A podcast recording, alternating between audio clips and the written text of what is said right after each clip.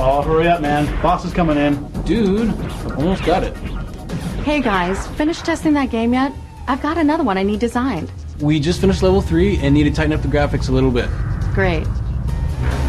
Hey, I can't believe we got jobs doing this. I know. And my mom said I would never get anywhere with these games.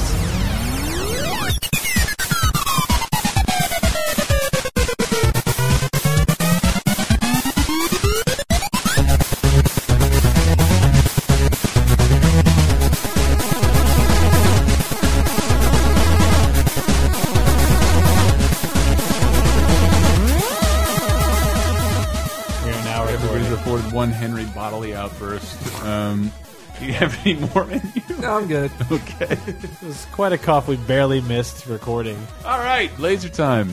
Yep. We're back from the dead.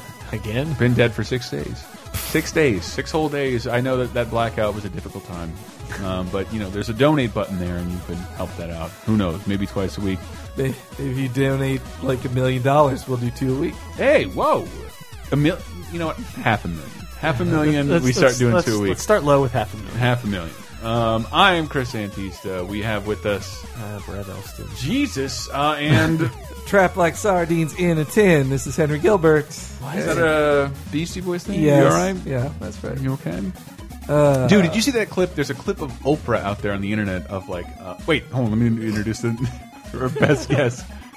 I'm going to contrast Brett's. I'm going to be like, I'm Matt Hackett. Matt Hackett. So excited. You do have a good uh, superhero last name. Hackett? Hackett. You think yeah. so? Yeah, if you had a Well, there's well, there's Admiral Hackett in Mass Effect. indeed. Admiral and Hackett. there's Indeed. Catskills Admiral. comedian Buddy Hackett. I think if you had an axe as a weapon, Hackett is a, is a decent You, superhero you can name. call me Admiral if you want. Ooh. what about Oprah? Uh, th- she- Yes. there was a, Back to Oprah, quickly. Hold on, hold on. Uh, there's an Oprah clip, and one, it's hilarious. Where like that kind of big hair in a Hunger Games kind of way was acceptable back in the '80s, but it's all about how terrible the Beastie Boys are and how their lyrics. no, but no, but She just didn't get it. it's quaint. it's quaint. So they're talking about partying and drinking to excess. And, Oh, uh, my. I know. Oh my word, Dearest, there's children here. and it's it, I thought it was fucking hysterical. The mm-hmm. wait, all right, parent. It's it's it, the YouTube clip is called "Parents Were Terrified of the Beastie Boys in '86." By the Beastie Boys. The And this might not be Boys. Oprah. Here, here it is. Beer drinking.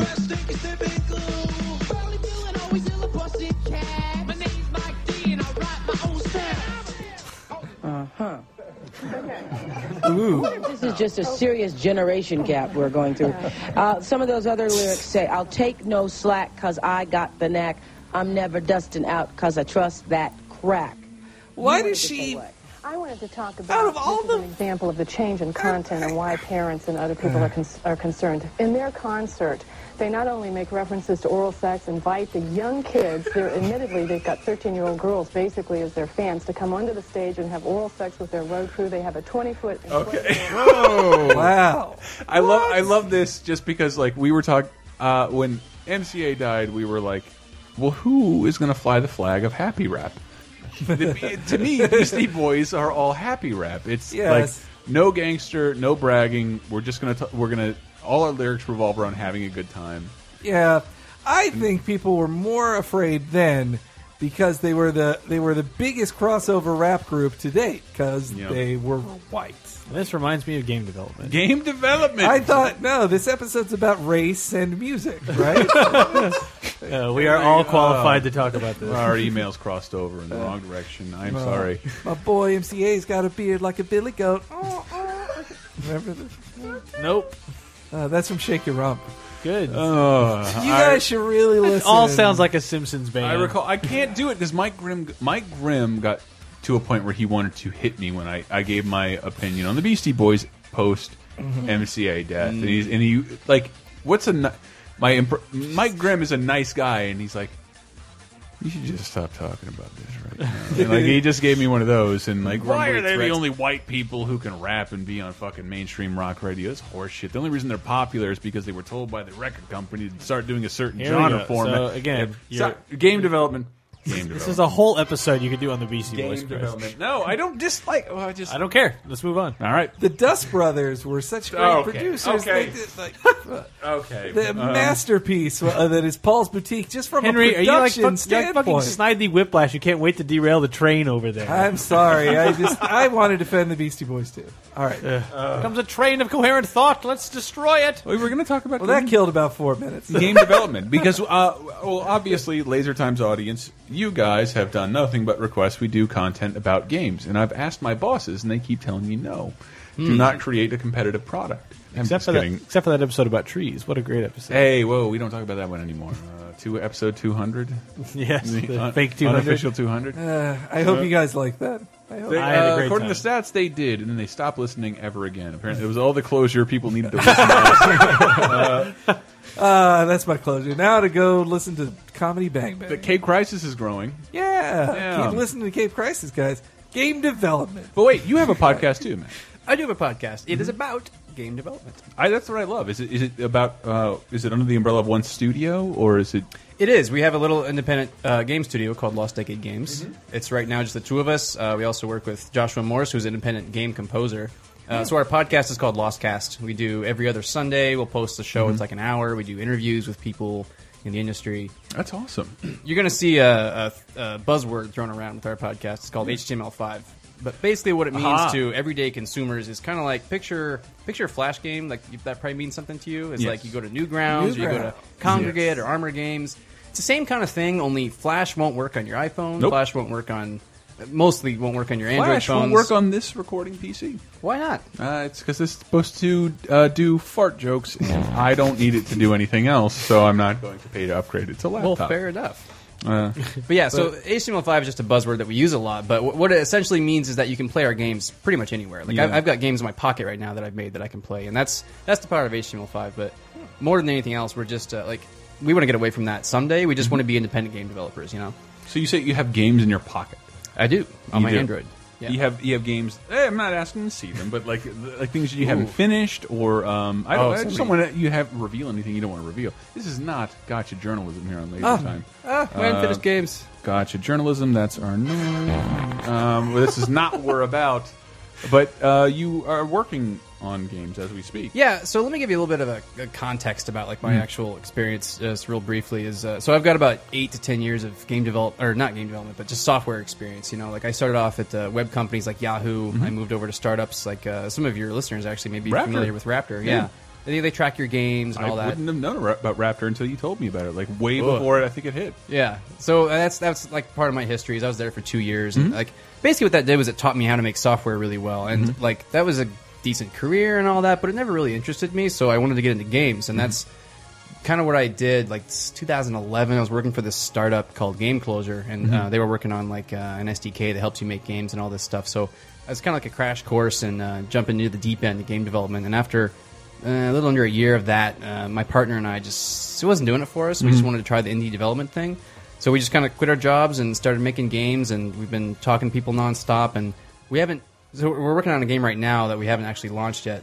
But uh, if like, you go to our website, you're not going to see like, oh, here's our big library of games. We've got a couple you can play, but it's all about the future to us, you know. So we've got this uh, next game we're working on for the next three or four months called Super Lava Sword, and we put some deals together where uh, it's uh, we're definitely going to get it made. We've got money coming in, and uh, so Deals with the lava soap people. The lava, the Super Lava Sword. Super lava soap. I'm just saying, say this is money on the table. It's on money on the table. That lava soap. Lava man, soap. I love that Oh, as a I kid. forgot Yeah. about lava soap. That's Lava soap. so So satisfying. my, my mechanic roommate is the only Yes. way he could like wash Yeah. the dirt off his uh, hands. yeah, it's like pulling out the big guns. Like my hands are real dirty. It's, It's- it's, it's that soap that doesn't feel good.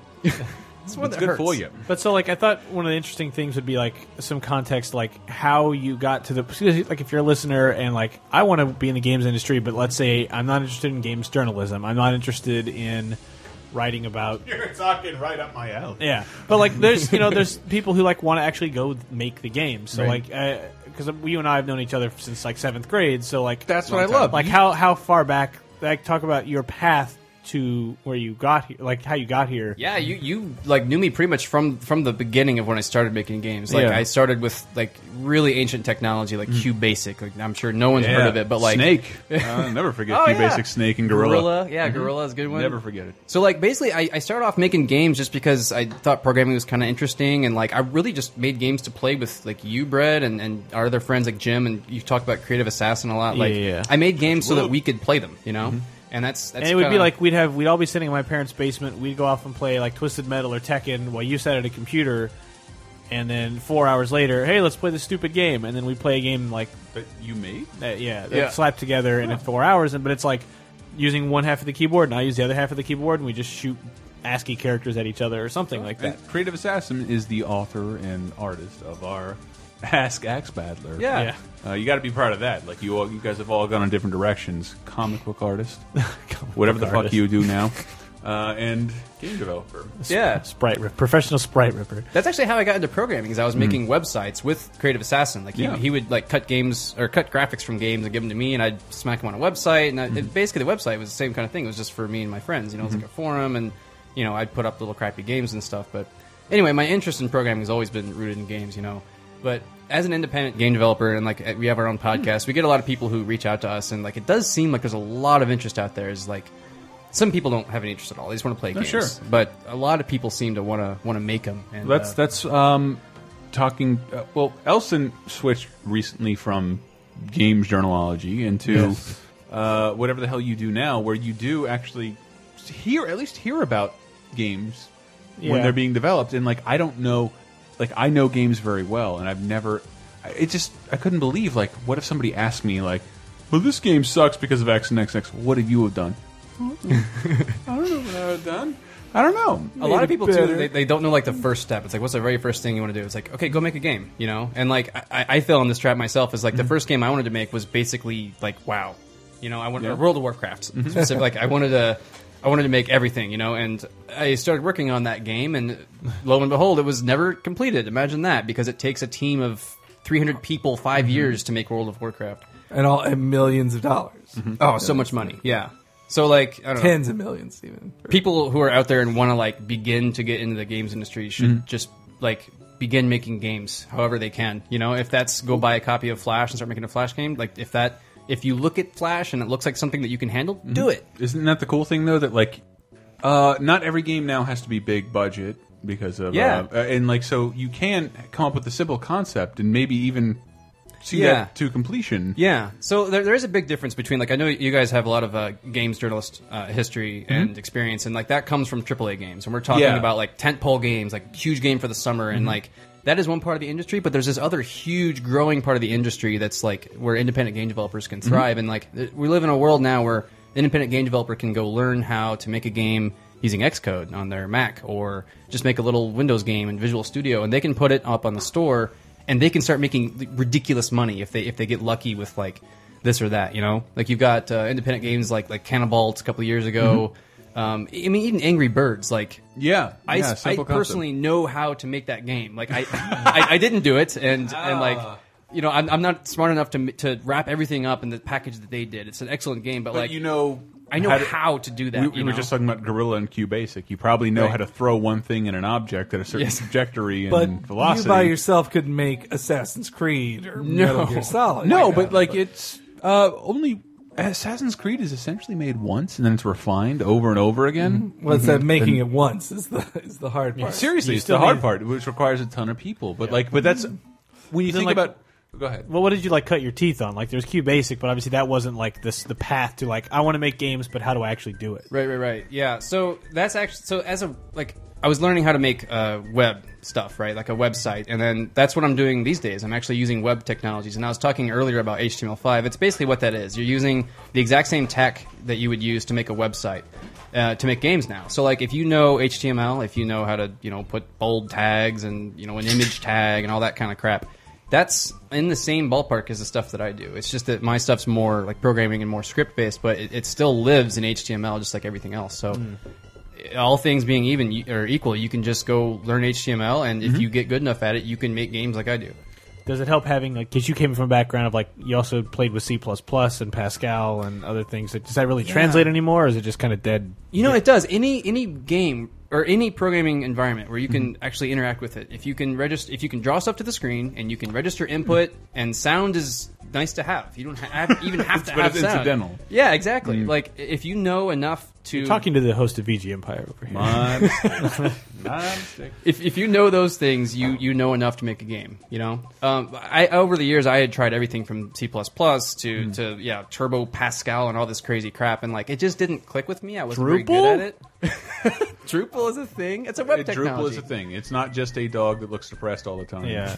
we are talking about game development here because we're all we're all um, like Matt might be the one you're least familiar with of, of all of us, but we all Certainly. have a background in games. If anyone, this is a weird aside, but if anyone has looked on my YouTube mm-hmm. page from like Those old short if- films. if, you I- dig, if you Oh, dig, yeah. if you dig deep, I uploaded many years ago. If you mm-hmm. dig deep on my YouTube page, some people have sent me posts about the Mole Day movie or Mole Day, yeah, Mole Day or Mr. Excitement that's on there. Like Matt's the one behind the camera that shot all those, and then in the Mole Day video, the person screaming to the high heaven, which I've seen. is I- Matt. I've definitely seen. is Matt. Did you do that on your what in high school? Yeah. I I, I had a mole day as well. I remember that. Yes. Yeah, yeah, Uh, we, we've been friends since, since uh, like junior high, Yeah. and like uh, I, I was just we were, Chris and I were just talking about this actually about how we both kind of wanted to get into film and stuff, but like Yeah. that's the same kind of thing as games. To me, it was just like I want to be able to present like interactive stuff to people. Yeah, yeah. and- For indie games, I, I definitely am more towards you know console games, but I remember like in my like junior year in high school, like discovering Newgrounds and being like shocked at what you could do with like just Yeah. flash on a thing and like here they here were a hundred free games uh, or a million free games just right in front of me. And they could be about the most horrific things imaginable. Like Yeah. that was the other thing about Newgrounds; they could cross any line. Yes, you could be in a weird place pretty quick. That's Yeah, one thing so indie gamers easily. can afford to do is, is they can make a game about like like actually the Meat Boy guys like Team Meat. Mm-hmm. They make Yeah. this weird game that like if you talk to an executive who who has like a, a bunch of people he has to pay you know to keep everyone afloat. He's got a company. He's got to keep going. It's like if you talk to him and it's like I want I want the enemy to be you know Doctor Fetus and I want it to be about a boy with no skin. Like that's hard to sell, but Yeah. it speaks really loudly when you just go make it yourself and it just mm-hmm. happens to stick to this audience. This was something I was thinking about indie games. The ones that I enjoy now, they're most of them are like Throwbacks. eight. Yes, thank you. They're eight bit throwbacks or Yeah. sixteen bit throwbacks to stuff Absolutely. like like Meat Boy is an NES game. It has a lot of well, it's an NES style game. You, mm-hmm. you could have played it on the NES, except it's refined to a point of perfection, I'd say even. And same like Fez is like that, Braid, and even if they're not a 2D platformer, like sometimes they're just an old school RPG, like um, Cthulhu Saves the World or Right. whatever. you I know what the reason reasoning is behind that weird shift. Sort of. AAA million dollar games that let's be honest, you and you and I Matt want no part of anyway. It How's that Mass Effect 3 multiplayer? Okay, that was great. that was great. But but like part of that is um, creating a interactive experience, like a, a, a Fez or a Braid. Is like a very simple. It's a very simple game thing to think of, and these other people have to think of, well, what justifies sixty dollars, uh, and what what characters do we think could go into a long term series? Whereas like you look at the character in Fez, and you would never look at him as like the figurehead of a long standing series. You look at a Marcus Fenix in a big giant set of armor who's battling a world-ending locust plague and like it, that ultimately isn't what really interests you about the game. It's the concepts that you bring. Yeah. so i think when when, when we fall into um we fall into the spell of independent game it, it for me it makes me realize what's really important about a game. Well, it's also that now at, at last technology is caught up where the tools to make a great Super Nintendo game are now mm-hmm. in the hands of the common Of person. everybody, yeah, wow, and that's that's a good point. kind of like mm-hmm. 2D games at their highest. Mm-hmm. Like, is that kind of e- execution? Uh, Super NES Genesis era, like six, and even getting into more like the 32-bit, 16-bit style games, like that would be on Saturn or whatever.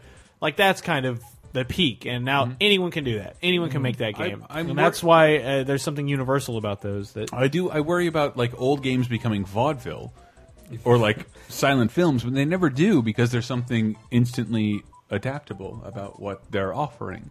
Uh, how, how, what what can you do to conquer this goal? As simple as we can make it, you have we're giving you everything you need to conquer this goal. Yeah. So Mm-hmm. like p- part of the reason that I didn't think I could actually have a career in games like Mhm. when growing up is because like when when, when Brett and I were playing games, they were Mm-hmm. all like I could comprehend it. It was like a, it was like in a 2D world and like Yeah. I could understand drawing a little graphic and and all that stuff. But then Jump. like yeah, it's it's simple, right? But then like 3D came in, and that's Mhm. when I started to like I was like, oh, this is never going to work. 'Cause I'm maybe I'm not smart enough. I don't know. Mhm. I just I just can't do 3D programming and like like the, the low level programming languages. You're really bad at 3D programming. terrible.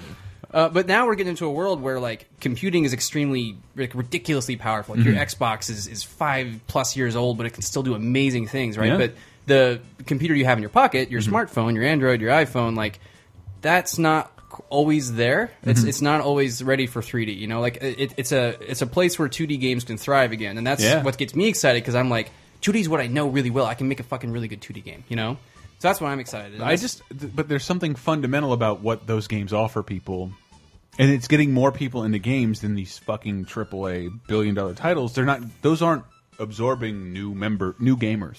Yeah. they're not. They're not garnering those. They're appeasing old gamers, and like Right. so. As much as I want to poo poo casual stuff, like it does offer th- the base of what what we became gamers for. Yeah. Uh, So what? So what was like your actual like? Say you now you you put in the time, you figured out a language, you've made a game, or you've just got a skeleton of a game. Like what? What was your process like for getting a game published? Like on there was the Google Chrome store, or if you wanted to get it on Xbox Live Indie Games or Right. Steam, or Yeah, how does yeah. that process work? So, so what I did was basically uh, uh, at Raptr, I hired on my friend Jeff Blair, Mm-hmm. who uh, was helping me with the website, and we just started talking, and we were both like. Hey, I'm working on a little Zelda prototype in JavaScript, and I'm like, "What? I'm working on a Dragon Warrior prototype in JavaScript. This is crazy." So- had- I had a big company, and you had a big company. now we have a very big company. I don't Is know. Is this an inside It's joke? like Simpsons uh, joke. it's like Okay. swill to us. It's like what Am uh, I saying swine that- would drink, right? Am I saying that's what I? I am inelegant. that was ten minutes ago. All right. Homer Simpson, Simpson, Homer. That is all. Yes, the uh, the requisite thirty second Simpsons aside has been completed. We may continue with the podcast. the Germans. So, so we, Almost. we both had these like this this uh, graveyard of unfinished projects because JavaScript wasn't this real platform. You couldn't really make a game in JavaScript that anyone would care about, you know. So we started working together and we we made this game called Onslaught Were Arena. you paid by HTML5 to say that? yes, I was paid by an, an open uh, spec that exists with a. no. Oh, that's really the only Zelda sound I have on here right now. I'm embarrassed. Blame Josh. I'm That's embarrassed. Josh's fault, Yeah, actually. fuck you, Josh. Creative assassin. Wait, so, now you went to HTML5 with your friend? Yeah, so, so we started working on a game together, and it was like playable, and it had sound and interacting, and it was it was pretty good, you know. And uh, at least for the rest of the crap, compared to the rest of the crap we'd been making, and around the same time, Google was launching this really weird product called the Chrome Web Store, which uh, still doesn't really like have a home. It doesn't, it doesn't like I've never heard of it. Yeah I know exactly. they It sell hasn't Angry that. Birds because I've seen Chrome commercials that have Angry Birds on it. and I was like, Yes. well, so you must be selling Angry Birds. If, Yeah, and I'm pretty sure they had to actually pay for that. The same kind of deal where, like, uh, if you go to cuttherope.ie, Microsoft has actually paid, uh, I forget the developer's name, but oh yeah, I whoever made that, yeah. Cut the Rope. um, Zonga. okay, thank you. I was so, kidding. I, No, I know when they. Damn. Zorn- Zornga. I remember they showed right. it. Uh, it, e- uh, it's uh, I know, the, the, the, no, the, the, they showed it some show when they were showing off IE8 or just Windows 8 in general. They're just like cut the rope was a big part of the. It was the thing they were showing how games work on it. Yeah. probably because Google had already paid the money. It got Angry Birds, so Microsoft yeah, couldn't. and they uh, yeah Microsoft is always doing the, the follow like they have like a catch up, you know. Mm-hmm. So so Google's Cut the been pushing almost as hard. Good. Cut the Rope's a really great game. Yeah. No, it's good. And, I, I hate it when people like knock casual games and like I. Well, granted, I don't. That's the cut the rope website. Let's go ahead and shut that off.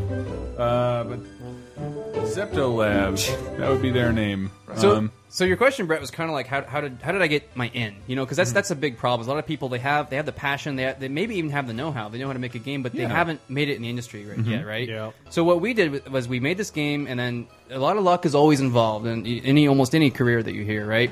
And so Google was launching this Chrome Web Store, and it's this weird thing where web technologies are king. So we launched with that, and like, yeah, it was five bucks or two bucks or whatever we were charging for it. It really never made much money. This is the game Onslaught. Onslaught Arena, yeah, you can. Uh, anyway, it's free and it's online. It's actually open source now. It's it's completely playable, and uh, you should go for it. But Um, basically, what that did was it gave us a product that people could look at. And when we got hired on to work at Game Closure, we didn't even have to interview. We didn't Mhm. give them resumes, nothing. They looked at Onslaught Arena and they were like, "Oh, you know how to do this? well, then you're Ah, hired."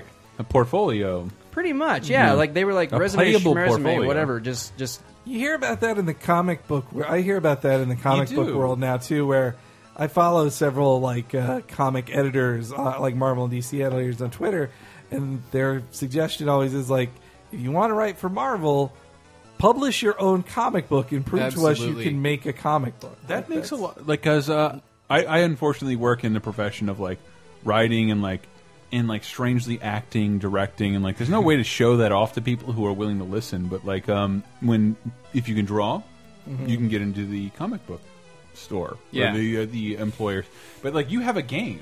Yeah. That somebody can play in Yeah. four seconds and automatically understand what you can do and what you can offer. Yeah, people don't want to hire people who can do something. They want to Mhm. hire people who do do something. You know, You said like, dude. di- oh crap! Well, that's just, You're gonna make it. That's a that's a tip I'd say in general c- uh, for people who want to pursue their dreams. Like, because I always said, "Oh, I want to be a professional writer. I want I want to be that." And, Mm-hmm. Too uh, late, and brother. then people You would already say, are. "Well, then people would say to me like." Well, what have you written? I was like, well, I, it's a couple things. Like, oh, so you're not taking it seriously. A Like, thank didn't- you letter to my grandmother. If you wanted to be a writer, you'd be writing. Mm-hmm. That's what you would do. Yeah, but uh, as even as a writer, like nobody wants to read my fucking sixteen page treatment of anything. They want to see like, but you can show them what you can do in a second, and they can interact with it should they want to. It's Yeah. technically easier to get into to show what you can do in a couple minutes. Yeah. Once you've made it, once you No, once you get in the door and can show someone what you can do. Yes. he didn't have to make he, he didn't have to make anything except the product he wanted to work in. Right. Which is a little different than writing. Like I've Mm-hmm. written a ton of stuff, I wouldn't show it to anybody, and it wouldn't. nor would it get, nor would it get me a, a, a leg in the door. But games are a little different like that. Yeah, uh, Brett, you did the same kind of thing. Actually, you were Mm-hmm. writing like you wanted to be a games journalist, and you started writing for your local paper. Like, yeah, you- I just did it in like I, I, I don't remember what it was. I was like in a photojournalism class in college, and the teacher was just like blah blah blah blah blah, and then I was stood up. If you and sleep with me, I'll give you an A. Blah and then blah I, blah. And then I realized that there was and something about the thing where he said he named the school paper, and I was like, there is a school, there is a university paper here. oh snap! There's no one probably writing games for because nobody's bothered. And I just stood up and walked out of class. And Really? yeah, I just walked out of the class and walked like walked down the hall, and I'm like, hey, you got anybody writing video game stuff? And they're like, what? No, What? actually. people write about video And games. I'm like, I'll do it. What are video games? And they're like, great. positively. So I did it for free, but then when I graduated, I was like, "Hey, do you still want me to do this?" And they're like, "Yeah, actually, but you know, you won't be students, so you'd have to be paid, and we can't pay you." That's a shame. yeah, and they're like, "Well, we can't pay you a whole lot, obviously." And I'm like, "Okay, well, it's fine. I'll just get like twenty bucks a review or whatever." And I posted one review a week, and that got me, you know, but just by doing that, whenever I went to go apply for stuff, and this is before blogs really blew up, and this is also like pre YouTube, and also MySpace didn't exist. There was no yet. way to get yourself out. There. Yeah, there. getting yourself out there was like LiveJournal or something, or making a GeoCities page, which still would be more of a detriment at that point because it was like, well, nothing matters on the some web. dipshit on the internet. No, I don't Exactly. have a website. Exactly. Oh, I do don't not put have that a against me in the job interview. But I just would like write reviews for myself, and then I wrote reviews, you know, for this newspaper. So then, when I wanted to go interview for a free freelance job or for PSM at the time, when it was before it became PlayStation, the official magazine, it was PSM, and I was like, I just had newspaper clippings and was like, here it is, here's what I've done. So here it is on the page, here's what it looks like, and but it was all just because of like, well, I'm just going to do it, and whether or not I get paid for it is kind of inconsequential. But much like that, just make the game, figure out how to make the game, make it, and then uh, magically get it on Xbox.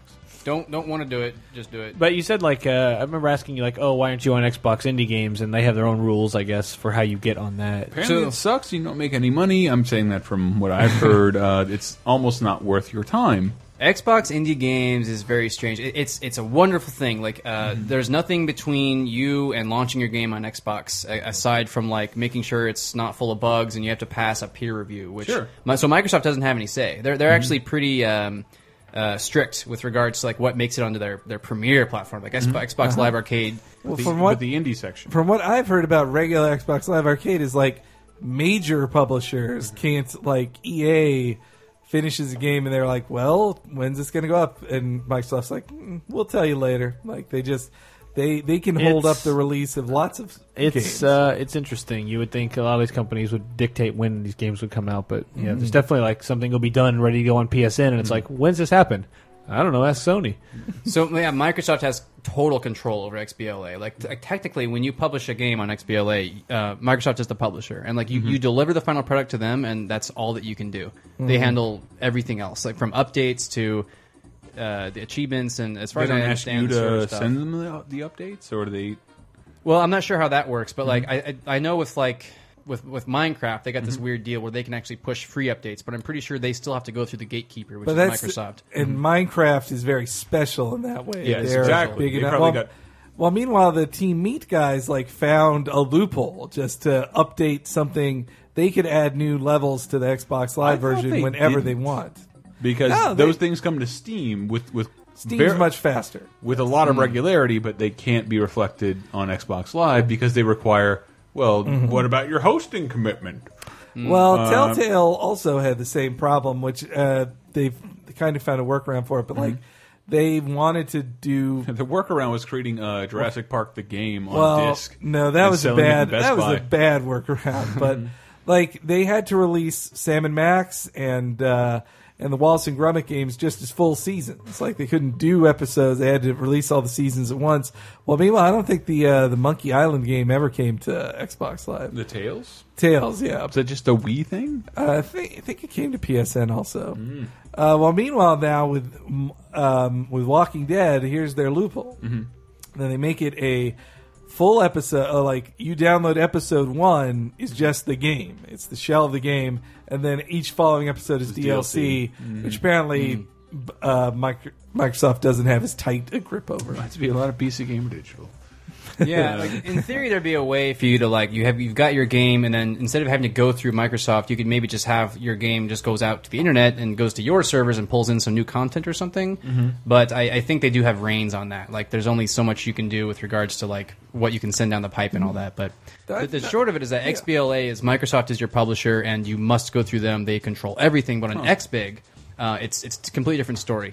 Mm-hmm. Um, But with uh, indie games, though, the the downside is that it's hard to. It's hard. Number one, like they, like Microsoft, it's it's hard to even find on their new dashboard. Like it's so buried. go Oh, yeah. to, oh, to I buy can't. Even, them. oh, I can't even imagine now. Where I can't. It's hard for me to find stuff I, own on Microsoft. I honestly Yeah. don't know how to change my avatar's like item. Like I bought Ed 209 from RoboCop. I don't know where that is anymore. Mm-hmm. or where, because I where, can show where you it that shows. one. Because Well, when no, I go no, in I know there, where to it- change it, but like where I went- where do you see it? where I used to go to change it, it's not there, and neither is anything I've ever unlocked. That's weird. Uh, but yeah, to even see that now, you got to click through like three different things to even see the stuff that you've paid for, Well, from which every- is great. From everybody I, I hear from, or uh, I, I worked on PC Gamer for a little while, obviously biasedly. Uh, Steam is where an independent developer wants to be. So Steam is tough because, like, for example, right now I don't have a contact at Steam. I don't know Mm-hmm. anyone. So I basically will make a game and Mm-hmm. I'll put all the effort into it and I'll send it to Steam. And I don't even know the process of doing We that. We used to know honestly. Doug Lombardi, but he's, We know Doug Lombardi, but uh, but well, Is he still there and you know him? we're closer. no, we're closer but with Duke. The reality is that all all their emails are open to you, and uh, they're very hard to get a hold of because their emails are public, Yeah. Huh. and they don't respond to everybody. They just yeah, don't. they don't have to. They they're the gatekeeper right now. They are so powerful. Steam is. But people get through. I played. I play. I played Yeah. a couple of games that like aren't awesome, but they're clearly the product of like two or three people's hard work and Yeah. great games, and those go on Steam and they're seven dollars. And and like it's not I, to me. It's not about being. You know, making a billion dollars off a game, but like making a living as a developer. That's where- and I think where that's I'm at. where Steam is. So, what are your aspirations now? Like for the Lava Sword game, like what do you see? Mm-hmm. Like where would you like to see that go or be published at? Yeah, so Super Lava Sword is, is going to be built in HTML5, which which means it's web technologies, and it's going to be running um, on your Android phones, on your iPhone, on iPad, and Android tablets, and all that.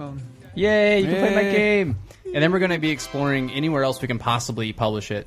Um, and that's going to include like if we can wrap it natively and we can make it like an exe out of it, so people can play it in their PCs. That'd be great. But there's no technology to allow us to do that right now. So, how do you feel about digital D-pads? digital D-pads. Actually, if you uh, not everyone can do this, but you if you have an iPad of a certain ty- I forget which which all which ones it works on, but Onslaught Arena is available on iPad and it has on-screen uh, analog sticks, Mm-hmm. Right. which they're not perfect. Mm-hmm. There's lots of That's what I'm saying. Like issues. digital, any kind of digital input for movement, I'm still very much uh, wary of. Yeah, so uh, if you're familiar with Canabalt, you're kind of auto run, right? You're always running, and Yeah, basically exactly. you just the only thing you do is you touch the screen. It's a when- con- jump. it's a concession to make the game work on that platform. yeah, so Super Lava Sword is going to be in that same genre where you're you're kind of auto run, but Mm-hmm. it's going to be a lot more combat based. So it's like that's one of the things that I, I kind of need, I think, to pull me into a game is like if you're just kind of exploring, you're just kind of I don't know, I need to be beating stuff up or like getting more powerful, you know. How'd you Um, feel about Infinity Blade? I thought that was a good where you don't you don't control your movement ever. right? So You you're just kind fight. of on rails. Yeah, I'm, I'm You- fine with that. Where it's like the I like, combat's yeah, there. Infinity Blade was like Punch Out RPG. Yeah. and Yeah. I really liked it. Which, by the way, somebody the free idea Punch Out RPG. They also have that really great like the endlessness. I will love it. I love the endlessness of it because Yeah. like like these days, whenever you have a game with like a like a finite amount of content, Mm-hmm. like you go back and play like the earlier like Castlevania games. You know, there's like Yes. once you play through the first six six levels, you're done. There's Yep. nothing left here for you. You know, like you can change your game design just a little bit so that people basically can go in and play and have a fresh experience. Maybe not completely new, but like so there's something new there for them all the time. Well, I do like that about the the mobile experience where it's not not necessarily a leaderboard mentality because I don't need to see how I rank against the rest of the world, but Right. like that I'm getting better. Yeah. Uh, and that there's self-contained moments in the game, and like how even if it's just a time clock, like how how well did how fast did you finish this, and how Yeah. efficiently Yeah, yeah. did you do yeah, it? stuff like the autolog and uh, Need for Speed, or any game that like eggs you on to do better than your friends, And and, and, not buried tracking. in a menu somewhere. But it's like, hey, your friend did this twice as it's fast. stat well, tracking fuck you. that I don't have to do and like point in his face, like it's automatically done. Yeah. Yeah, I don't want to have to take a screenshot, which Yeah. you know I can Photoshop that, and maybe it's not a real score Yeah. or whatever. But yeah, it just yeah. we were talking about Dust Force earlier, right? like Yeah, Love Dust Chris Force. just gifted it to me on Steam because I had play to, it? No, I had to figure out Oh. I s because I found out the code I had for Street Fighter Cross Tekken, which is now on PC. uh, a great version of it. It's beautiful. Um, but I had an EA Origin code, and I was trying to put it into Steam. Like, why doesn't help, this help work? Elston install it on Steam for like an hour? Yeah, and I'm like, this doesn't make. I hate PCs, and then I look in this email, and it's an email chain that's probably four thousand page Yeah. downs. wow. Uh, and then at the bottom, here's your EA Origin code. God damn it! Like, it's But I was it's shocked at the too. very I didn't, bottom. I did not know Capcom was supporting Origin. Yeah, Origin. Uh, Better and it than worked- supporting games for Windows Live, right? It's it's a Games for Windows Live product. He's- Oh, I mean, uh, It's Games for still Windows Live is there. great. Uh, but yeah, there's that. But Origin is a fine uh, service that has every reason to exist. Well, so I all, all I can say is my, my, my one experience with Origin was I downloaded, I put in the code, no, I mean it worked immediately. That's what, it's that's Steam- all I it's got to Steam go on. for EA games. Yeah, exactly. And then a couple of other Well, people were tricked into using it. here's what I Uh, like about Origin is just that It's also on Steam if you want We to were play compl- like, Street we were Fighter just- Cross Tekken you know on your PC. Currently, Mon- uh, ten percent off on Steam. It is- yeah. monopolies monopolies aren't good in general. Yes. Like it shouldn't. So even Steam is in danger of being a monopoly, Sure. and it's easy to like them because they're Valve and they're cool guys who make awesome games. So why not? It's, uh, it's also it? it's also that they, they allow their awesome games to play with other awesome games. So Yeah. like the big the release this week is or like you know recently was uh, Skyrim and Portal, who Mm. that talk to one another. You can bring into one another. Like that's amazing. That's an amazing way to launch launch Now- a platform and, And Valve is also really smart about sharing their stuff with other people. Like they're just like a game. GameSpot GameStop asked uh, like uh, our impulse service, can we sell Portal? I'm like Valve's like, okay. Yeah. Well, I just mean like Sure. Dungeon Defenders came out on Steam, and they're like, yeah, you can have a portal gun just here, a portal gun and, Yeah. and thing. Or in Super Meat Boy when it came out on Steam, it had an exclusive head crab. That's how it's going to work. So, like, for what? What's the game you you're most excited about that you're making it that Lost Decades making? Uh, well, that's definitely Super Lava Sword. It's our next game. So, who would you like um, to allow to bring in a piece of their of their game right now? So if I could take someone else's game and put it in my game, not really, but like, a, like an an, element, an, like, an like- item, Like an- if you could have a portal gun or a coin block or something like Or that. Or playable Super Meat Boy. Mm-hmm. I would really like to see. Uh, uh, so like a, the character, main character from a game is called Lars. He's like this. Mm-hmm. Uh, it's kind of like a, got a heavy metal theme to it. Like I kind of like Battle Toads with people instead of. I just listen to the VG Empire. So like with Battle People. No, I, I, I got it completely. I love the heavy metal movie. Wow, Battle People. Battle I People. I think I should change the name. Battle people. That just, that might it does sound like very Japanese. Like all of Basically, a bit of a legend, I guess. Oh yeah, maybe. Uh, I would love to see the main character Lars with like a Tanuki uh, suit or uh, just the, the raccoon tail. Well, would unless pretty you're cool. going to 3DS, you're barking up the wrong tree. I know that's never gonna. will happen. never. Yeah. Unless you're a deeply entrenched Japanese developer. on I believe of- you are. Uh, you're on the level of Koei. Hold on, we will talk more about this when we get back from our break. Trust us, we get the kind of games you can't win in Blockbuster. Game related, raise it bit by bit. Yo, D, link up the cable, we'll go hit for hit. Phantasma, plasma, particle beam needs I have you on the run. Rendered effects hot like magnets. I play games by Capcom with a power glove strapped on. On any platform, I don't spin my dough on bar. Video games, I got many to play before my life expires. Fulfill my desires. Mastering your hardest ball, shattering our stars across, ain't hard to cross the finish line, floating on Daytona. West gets a Fona, I get them all like cars. RPG, platform, we transform like Macross. Rival schools, buy two, purchase, you ought to. It came with one free CD, it's like I bought two. I hope they make part two for Dreamcast, cause games I've seen in mags you won't believe they had. Hi. Hi. Hi, Chris. Hi. This is Jeff Goldblum. Hi, Uh, Jeff. No, no, it's Chris Antista and, and who else? And Tyler Wilde. Tyler Wilde. Man, you totally missed our game episode. No, man, that You should have been there. Matt Hackett told us anything. We're releasing it around E3. How timely. That is so timely. Or a way to get your shit ignored if you're on the internet not talking Yeah. about E3 content. But we usually plug stuff here like what, Tyler? Uh, like, you can go to lasertimepodcast.com And donate. and donate, or you can click on Amazon links. Hey! And if you buy things you already want through Amazon, Helps us. It helps us. That's just nice. Hang on my jeans. Uh, it's not a metaphor. Uh, and you can go to T-shirt store. Oh, you at do that. popcorn. Anything else we might have going up this week? I think there might be something new.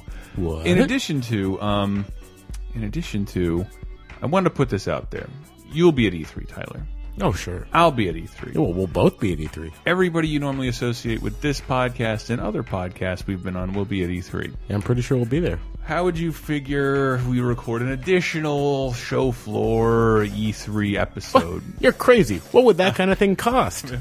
Tell you what it's going to cost. It's going to cost 10 of you to donate $5 to Laser Time. 10 of you, $5. Do not donate more. That does not count. No. I want 10 $5. people to donate $5 and that's it. And that's it. And we will we will try our best to record good. an E3 E3 like live to tape. Live, Live to tape. Uh, Uh, E3 podcast. It might be drinky. It might be drinky. It might be barry. But we'll get it be- done. It might might have a little background noise. We'll get it done with a very familiar cast. And um, yeah, that's all I can offer you. Please enjoy the rest of the show. Do do do do. Laser time, second segment. I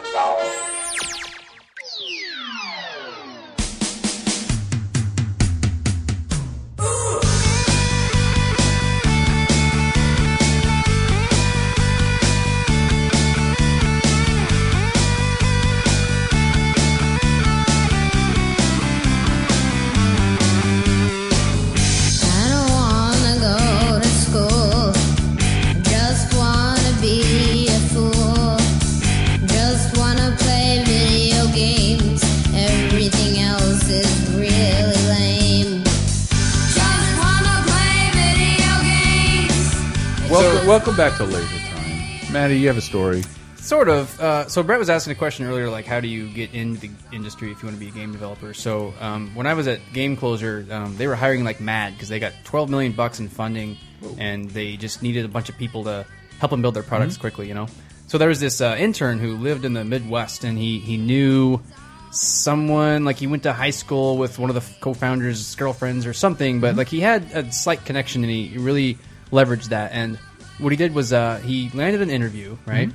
And what he did was he, he scrambled like mad. He had like a week or two, and, and he learned how to make a, a little piece of crap game on Yeah. uh, on iPhone. And it was it was terrible, like uh, the worst game mechanics you've ever seen, and everything looked awful. But like it, it worked mostly, Mhm. you know. And it showed a lot of um, like get it done like attitude. You know what I mean? Mhm. Um, that guy got hired, and, and now he's been promoted, and he's a full time software engineer working on games. And like I don't know, that's just to me a clear example of like if you want to get into the industry, you know, come up with a demo, get lucky, get your foot in the door, and then show them that you can do something, and then it could lead to a career. I, I like to. Uh, for some people, it's a pipe dream.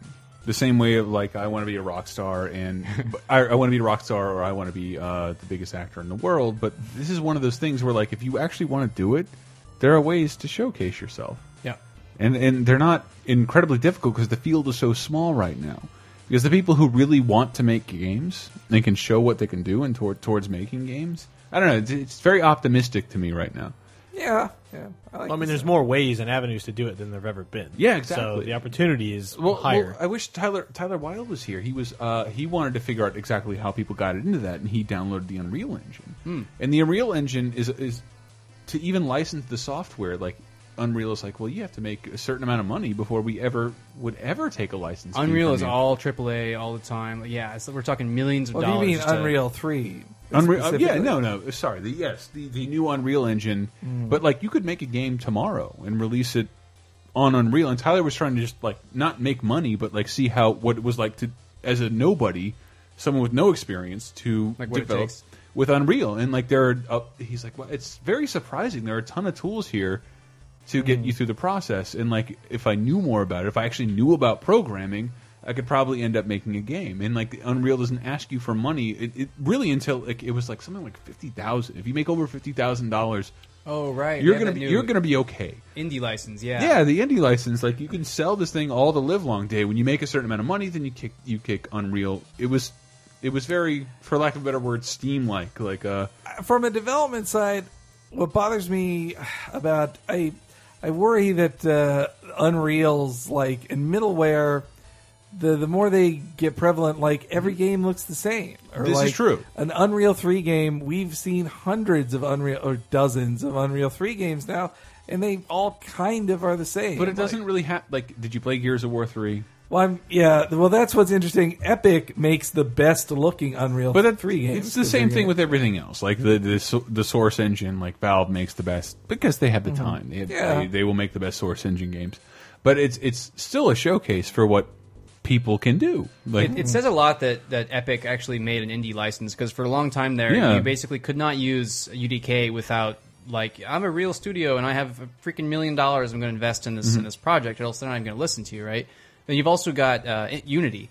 It's probably Yes, something who's Unity. like if you if you do some Google searches or you're like you're kind of scratching the surface, like hey, how do you make games? Unity probably pops up, Mhm. and it's it's a really good choice because it's very powerful. You can launch Android, I think it's Android, but definitely iPhone Yeah. games and like cross cross for mobiles, it's I, I hear that's when whenever I go to GDC, like that's the big big big thing. Yeah, yeah. Um, Mhm. And even these days, like let's say just programming doesn't click with you for some Mm-hmm. reason, like it just doesn't do it for you. There's even WYSIWYGs, like you know what you see is what you Mhm. get kind of situations. There's like uh, there's Game that lets you make iPhone games. There's Construct 2, an HTML5 engine. There's uh, what's another uh, Game Maker is, is a probably the best known because it's like this really old school PC thing that lets you make you know like Dragon Warrior, you know old school Enix type games. So so when you release your game, how would you ideally like it to be released? Uh, it's, it's tough because we're actually going to be working with an external marketing company to Sure. like around the launch and stuff. Um, an ideal world, I, I don't know. I- I'm really interested in stuff like iPhone because like I Sure. like the idea of um, But just I know- about anybody being able to play my game. I, but and I know you're hardcore though, and you're going to make a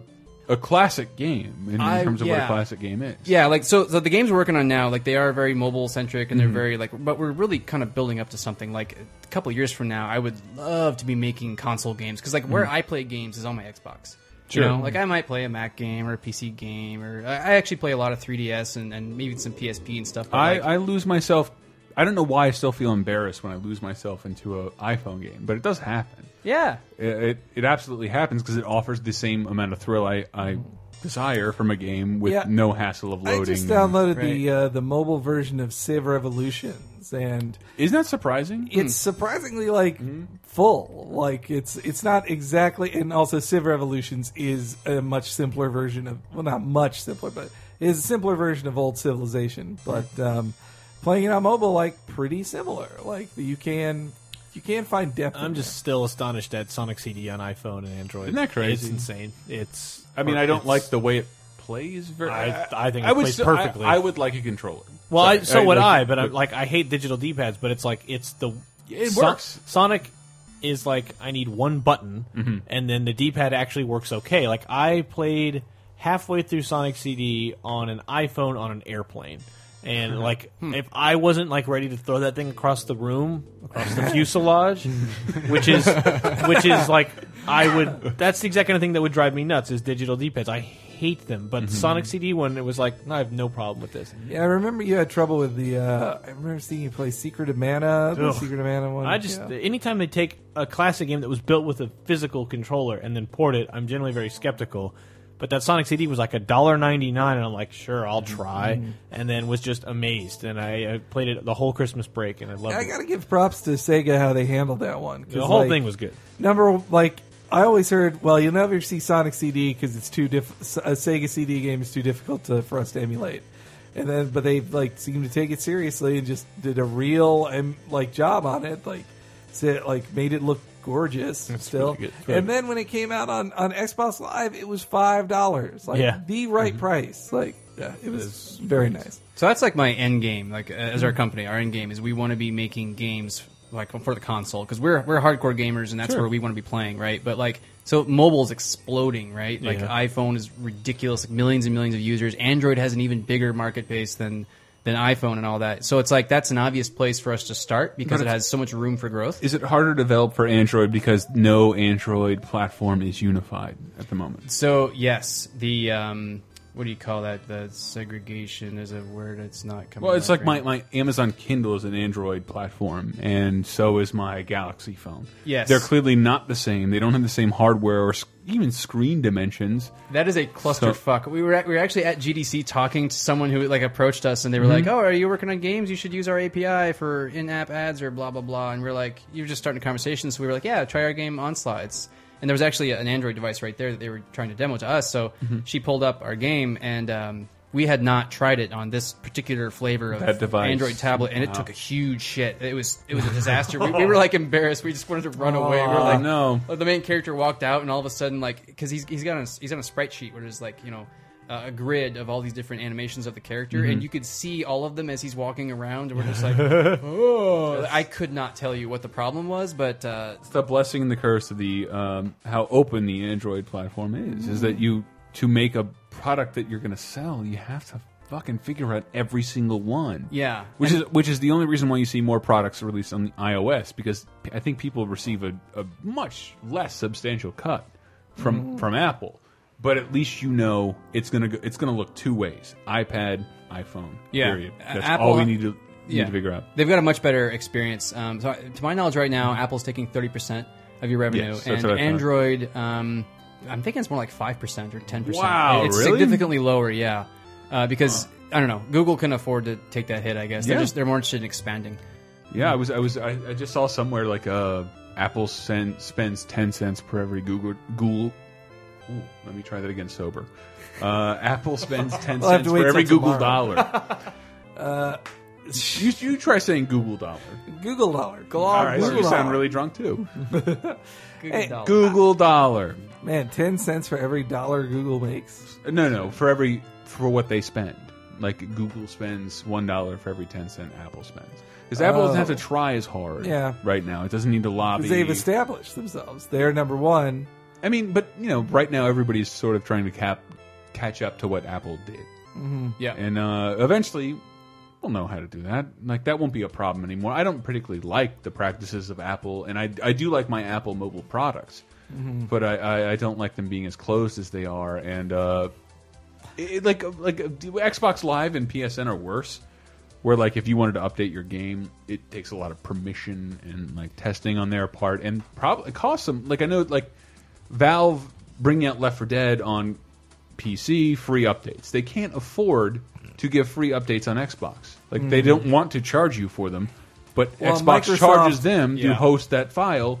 So they have to charge you, and Yeah. they, they don't want to Well, charge I you. get the I also get the feeling that Microsoft doesn't like having free downloads on their thing. It Like, doesn't make sense until until like well my my other question how do you feel about free to play?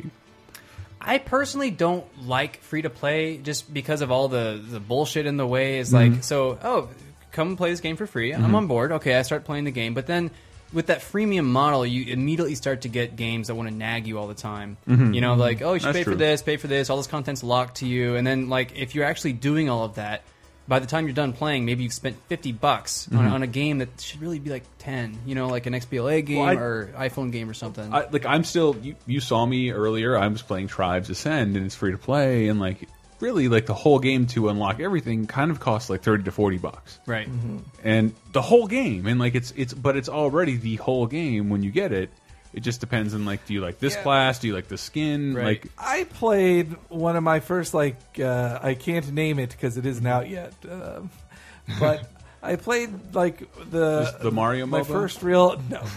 Uh, I played my first real like Facebook uh, type app before uh, free freemium type thing, and it was fun. But then like I just hit the wall of like, well, you ran out of energy. If Oh, you'd hate like to make this action four more times, you could wait uh, tw- two hours, or you could keep. I, I, this, give us five I don't bucks. understand energy. I, I was actually working on a game that was energy based, where it was like Mhm. uh, uh, Mhm. you can only really play the game for about 15 minutes at a time without paying. And like that's the last thing I'd ever want to do is say that someone can't play one of my games when they want to. That's complete bullshit. but I, to I use tribes as a good example but like tribes believe it or not has like a, a, a an invested base And like not every game is going to work free to play dc universe online goes free to play like people know dc universe there are reason there are things to pay for if you want a green lantern ring mm-hmm. conceivably you could but not everybody's going to have that pre-established oh, okay well what when most free-to-play games work is when you don't buy skill or power Yeah. you buy It's cosmetic. cosmetic. Yes. Yes. and not every game not every game comes along with something cosmetic worth buying i don't Yeah. i don't always need the pink top hat in everything i play i would appreciate it I'll say this too: Uh, it, it's much harder to design a freemium game. It's really easy to be like, I got this game I want to Yeah. make, I get this experience, and then you make it and you put a price tag on it, and you're done. It doesn't involve any maintenance or extra design work or anything, right? And like when you actually are working with, say, Apple or Android, Sure. these uh, these APIs do these microtransactions and like hit their server and charge a credit card and come back and, and get this bit of data that lets you know that they've bought this in the game and all that Mm-hmm. crap. That is way harder to program, like exponentially more difficult. not for me i can program that overnight Program it in your sleep. Mm-hmm. I have another question for you. What do you think of this whole Kickstarter what I was boom? leading that's to. Oh, Kickstarter. Because so, like lately, I think it really started with like there were definitely game Kickstarters before Double Fine. there were Adventure, everything kickstarter but Double Fine They brought it to the I- mainstream. I, felt double that- fine popularized kickstarter Well, here's period well, here's the thing that I really think the Double Fine thing was a perfect storm. Mm-hmm. Like it really just was. You've got somebody super dependable and well loved by hardcore people like Yep. Tim Schafer. You've got him promising to make a game that you can convincingly say like it. It's not a lie. The, you, he can't get a publisher to make an event, a real adventure game Mm-hmm. again. And like, and then people just love Double Fine in general. So Yeah. with all that promise, like they made. That's how they made what four or five billion dollars. Yes. They made Like- way over. Like I think It was they're 300 percent over their goal. Yes, Their And- goal was four hundred thousand, and they've made Mm-hmm. over three million so far. And on top of that, like they just opened up a PayPal program just on their side of like, hey, would you like to Mm-hmm. Donate? pretend? Yeah, pretend you basically can buy the Kickstarter things again, Mm-hmm. but now you're just giving it to them for PayPal, where they probably get even a better cut. Like, No, that's not how Kickstarter works. It's just like if the Kickstarter thing didn't work to begin with, Mm-hmm. all those people would have gotten their money back if they hadn't reached their goal by a certain amount of time. Right, but now, but now So now, lots. now they can't use Kickstarter because it Right. worked. They, they are taking donations. So now there's, and that led to like, um, what was it? There's, there was the uh, Leisure Suit Larry HD. There's the new game from Jane Jensen, Wasteland. Wasteland. Um, there was oh the the Bunch of adventure steampunk games. Yeah, it was all well, a adventure bunch of games, genres yeah. that wouldn't exist without the support of the people who apparently want them. Mhm. And I thought that was great. I thought it was beautiful. I'm a, I'm a hippie in a certain. But It's you're a really beautiful just thing. pre-selling the game, Mhm. and with no publisher. Like that's what you're doing, right? Like if the developers of like like uh, Brett and I just did a Shining in the Darkness VG Empire, and I would Mm-hmm. I would kill a man for a new Shining game, right? So like if the if the developers or then the artists and like the people who built those games got together and they asked for money, I would be like giving them as much money as I could afford. Sure. You know what I mean? It's it's beautiful in that regard, but I don't know. I've got a weird feeling about Kickstarter because sometimes you've got people who they did this sacrifice already. They spent Mhm. three years of their lives. They hated themselves. Their girlfriend left them, Sure. and, and they're scraping by because they put the passion and the work into making their game. Mm-hmm. and it's really good, but no one knows about it, and they're not like they're still uh, they're destitute. You know what I mean? Mhm. And then you got people who like they kind of want to make a game, Mhm. and then people are giving them their money hand over fist uh, because of like their placement with Kickstarter. So like it does create this weird environment where it's not always ideal, but it is really really exciting that people can now kind of just have an idea and people give them money and they can make it happen. That's super cool. Um, Mhm. The reason we haven't explored that yet, like we actually have a, you know, we're we've only been in business for like two years. We're like, developing our fan base and stuff. But like, what I was going to ask you is that does Kickstarter only work when people want to reboot certain established IPs? Right. I mean- Which you don't have an IP Not yet, no. to peddle around. Right. You want to make here's what my new game looks like. Right. That's all I can tell you. But these Well- other when we see Kickstarter success stories, it's all established IPs. Yeah. And Well, the- people who own those IPs. the IPs. most recent one recently there was the one called Republique by uh, by uh, uh, this new developer called Camouflaj, which Is it the really hard platformer looking one? No, no, no. This is, but it's being made by like the name attached to it is Ryan Payton, who like was a pre- he was in games journalism, and then he was a Mm-hmm. producer on Metal Gear Four and worked on Halo Four, but quit. And like this is his new game, but like the, he was having trouble raising. He did ultimately raise five hundred thousand, Mm-hmm. Wow. but he was having trouble at stu- at the first because it wasn't uh, it wasn't a known franchise. Like people were using as a negative example.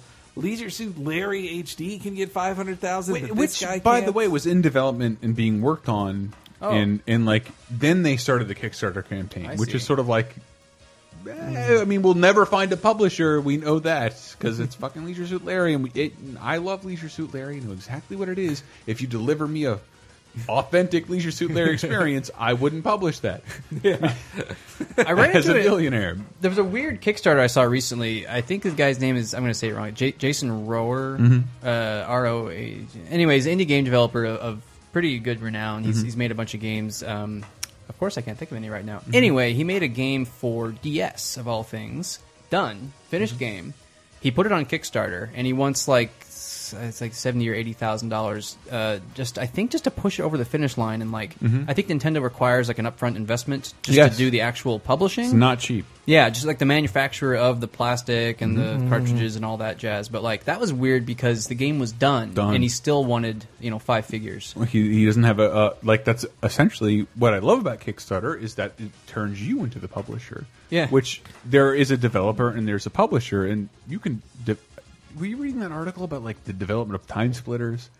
Oh, Uh, that was a very sad story. But it was The- there was an awesomeness in there, and that like well, it started awesome, and then when okay, when they came up with the idea of time splitters Yeah. and like let's just do this it'll only cost us two hundred thousand dollars that'll be great and then when the next gen systems came along then they had to beg they were the casualty of next gen. That was the the yeah the uh, the story of the Time Splitters guys was they were the best. They were the head guys on ex-GoldenEye GoldenEye guys. Yeah, they were four GoldenEye guys. Yeah. Started their own thing. They were like, why don't we just make GoldenEye again? Hmm. And Time Splitters was great. It was really great, but it, would- nobody would call it like AAA. Like it was a double A game. But uh, I thought it was a AAA game at the comparatively for what came out and launched PS2 But Hmm. then the guy had a funny. Uh, it was funny how Mm-hmm. sad it was that they make Haze, and that they were planning on making it for 360 first, and then Mm-hmm. But they had to sign up with a develop uh, with a publisher. They had to Sony. No, no, no. It was the, Sony wasn't the publisher. Ubisoft was a publisher, and then Ubisoft made a deal with Sony to make it a PS3 exclusive. So then they had to learn the PS3, which before launch, nobody like the PS3 was way harder to develop for. And then at the same time, like the saddest part of the story, at least on according to just this guy's version of the story, they were making battle Star Wars Battlefront 3 Mhm. and were done. But they he said that like LucasArts wanted to cancel it but couldn't legally cancel it. So they just gave them uh, enough money to float by not, well, no, they weren't giving them money. They, Mm. but they couldn't tell them stop developing it because legally they couldn't cancel it at that point. Mhm. But they just gave them, um, oh, what's the dead? It's like a deadline, but for uh, for a game. Like they give them deadlines, like okay, the alpha show us this, yeah, show us this version of it, and we'll mark off if it's good or not. And they always had problems with it as an excuse to not give them the money, to the Hmm. point of which then like according to the guy, uh, the guy who ran the the company, the Time Splitters company, Battlefront Three was done. Like they finished it and it could have shipped, Mhm. but LucasArts had problems with it and wouldn't ship it and didn't pay them, or didn't Ugh. barely paid them at that. So Wow. and that killed him. Like Haze flopped, and then they didn't get paid for Battlefront. Which sounds and then they had interesting every time somebody tells me about it. Hmm. Uh, Haze. That's rough. So I, I think the the short of Kickstarter is like you're not Tim Schafer. You know, no one is Yet. Yeah, you'll get there maybe, but well, like Tim Schafer had to prove himself. Like he has twenty two decades of proving. And he had Ron to- Gilbert there with him too to Yeah. prove it. Like Right, the right. genre we created and refined, we're going to make mm-hmm. again. Yeah. not That- many people are going to have that opportunity. Yeah. So I, I think it's possible. Like, but what you need is basically you need the mentality of like I'm building a game and I'm mm-hmm. putting 100 percent of my resources into Sure. whatever that is, and like you, your Kickstarter needs to have lots of content. It needs to have lots of updates and like. The, one of the things that we're terrified of right now is like putting a tax on our time. That's one of the reasons we haven't put up a game that has like a database and stuff we have to maintain is because we want to focus 100% of our time on developing the game, right? And with a Kickstarter, it's pretty clear to us that we, it would be Well, a part-time job for part, one of us. part of the just to, like- requirement is to regularly regularly uh, respond. Sorry, regularly respond to your donate donators what you're doing, and Yeah. that does require at least probably one to two days of somebody's time at your company. Yeah. You need to be active. You need to have a Mhm. really compelling video, which I mean that's going to take some time to make. You need to have like seen some bad screenshots, concept art. Yeah, like you need to give it your all. And what I've, I mean, so I spent like like the last three months I've been at the, in a spot where like I need to know where my next paycheck's coming from. So I'm like I'm looking at Kickstarter very carefully and studying it and reading about it. wow. And like I mean I'm in a different position now, but like I've gained some information about Mhm. it, right? And um, I don't know. It, it's it's just uh, it, it's not a sure thing, and you're almost guaranteed to fail like in the first three attempts. So like some of the Kickstarters, like if you look at the patterns of the successful Kickstarter campaigns, a lot of them is like, oh, this was our second try, or this was our fifth try, or whatever it is, right? So it's like at that point, if your Kickstarter lasts a month, which I think that's Mhm. the standard, it's like you're looking at three months minimum part time job before Yeah. you might succeed, maybe. Mhm. And then after that, like one of the things Tim Schafer was saying is he's like, yes, we made a bunch of money, but now the reality is sinking in. Like Yeah. we have to go and purchase 500 towels for people or something. Like whatever the whatever the gifts were they Oh, decided. yeah. They, They, they're like have to publish those books. They have to mm-hmm. publish those yeah, collections. like what a good problem to have, right? But at the same mm-hmm. Yeah. time, someone has to go and yeah, publish hundred books to Yeah, give I wonder what rewards. the net profit will actually be after they've made all those gifts. Yeah. Yeah, so it's not a magic bullet. It's it's it's kind of uh, it's very mysterious, and you know a lot of it's going to be based on luck and who publishes your story and who links to your Kickstarter and I think, and all that. I think I know who their publisher is. It might be okay for them. But I think with um, I think also it's going to be a real test. Like a year from now, once a few of these Kickstarter things have actually come out, and you can see the response, like not just from the investors who, once they get the game, they could then say like. Oh, this Leisure Suit Larry HD sucks ass. Like I paid for this. No, I'll, not I'll never. I'll never game. give a Kickstarter money again. Or if the games won't, or also like this didn't have enough Borscht Belt uh, Allo comedy in it. or also Uh, when uh, when say when Double Fine Adventure comes out, like it doesn't it sells maybe like two thousand copies that weren't to kick like two thousand more copies. Like Right. what if it's just dead then? Like, you Uh, know? It would be, but Who I think? I think in, in talking to you, like you, you're working within a model that doesn't require something like Kickstarter because Kickstarter is sort of about a bunch of a bunch of people who used to work within mainstream publishers who needed a million dollars to get their games out there. You don't really need that anymore, do you? Well, we're kind of yeah, we're kind of bootstrapped. Like, if we have three months of uh, time where we're Mhm. basically just not like our time is not um, pulled on other jobs and stuff, Sure. right? If we have three months of time we can spend just on our game, it will Mhm. get done. So we don't Huh. have to go and spend money on like we don't need you know 10k for an artist, we don't need 20k for marketing or whatever other Mhm. crap. Like we've we figured that stuff out. We really just need time. So like all we need now is like I need someone to pay my rent so that I can concentrate on this. and and like since we figured that think out, I think that'll get easier when you look at uh, something. These big publishers, like with hundreds of people under their umbrella, if, you, if if there are five guys turning around a game, people will be turn like flipping over backwards to start publish, to like get get the to do PR Right. and start getting it published. Yeah, and you're seeing that a lot. Like these companies will pop up great. and just do one thing. And that's the only reason I bring up free to play and um, um, Mm. and Kickstarter is because how do people who make games make a living making new and unique games? Because apparently, other than that, we get a shitload of sequels and stuff we've seen before. Yeah, it's it's Um, it's almost always the indies who innovate because they can afford to. because they can afford to. Yeah. because they have to. They have to. They have to make their money off making ch taking a chance. Right. Oh, interesting.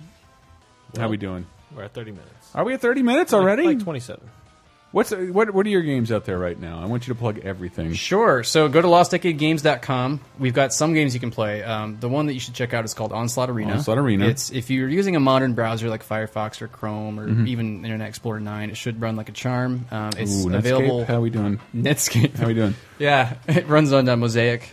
Um, so if you have an iPad, it's free. If you have an Android tablet, it's free. Uh, if you go to arcade.lostdecadegames.com on Mhm. your Android or uh, Amazon iPhone, Kindle? Yeah, yeah, it should work there. Really? Yeah. This is free on Kindle?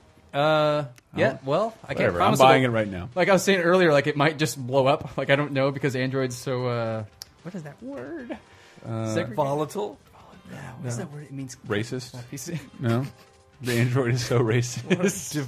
So, so check out those games. They're all free to play, and uh, they're all, they're all uh, basically all of our games for the free stable feature are going to be free. So so go play them. Your podcast? We do have a podcast. Go Mm. to uh, Lostcast is the name of it. It's on lostdecadegames.com up in the navigation. Clickety click on Lostcast, and then uh, Wait a second. Hold on. We all have podcasts to plug here. I think we do. Lostcast. Lostcast. Cape Crisis, HulkDick.com.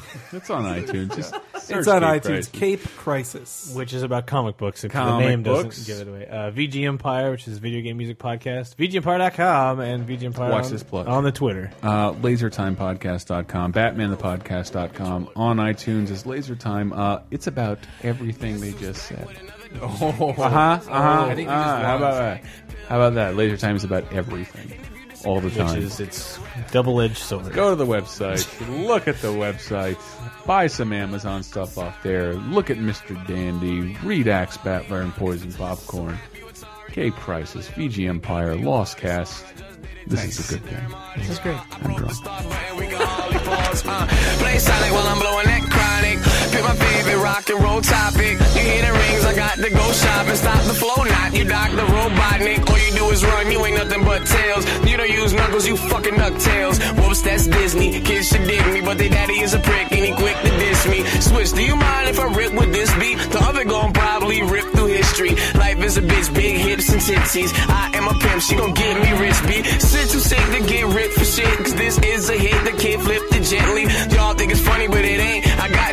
40 in the bank like the bitch with Swizz Beatz. Doesn't really matter cause I own this shit. It's me by myself all alone and shit. You don't like it, hit me on the phone and shit. But I ain't got a phone, so blow my dick. Don't take a day for granted, granted. Every single day you've been handed. Can't get crazy, but you need to manage. And it's how God sees you the last man standing. Live every day like it's your birthday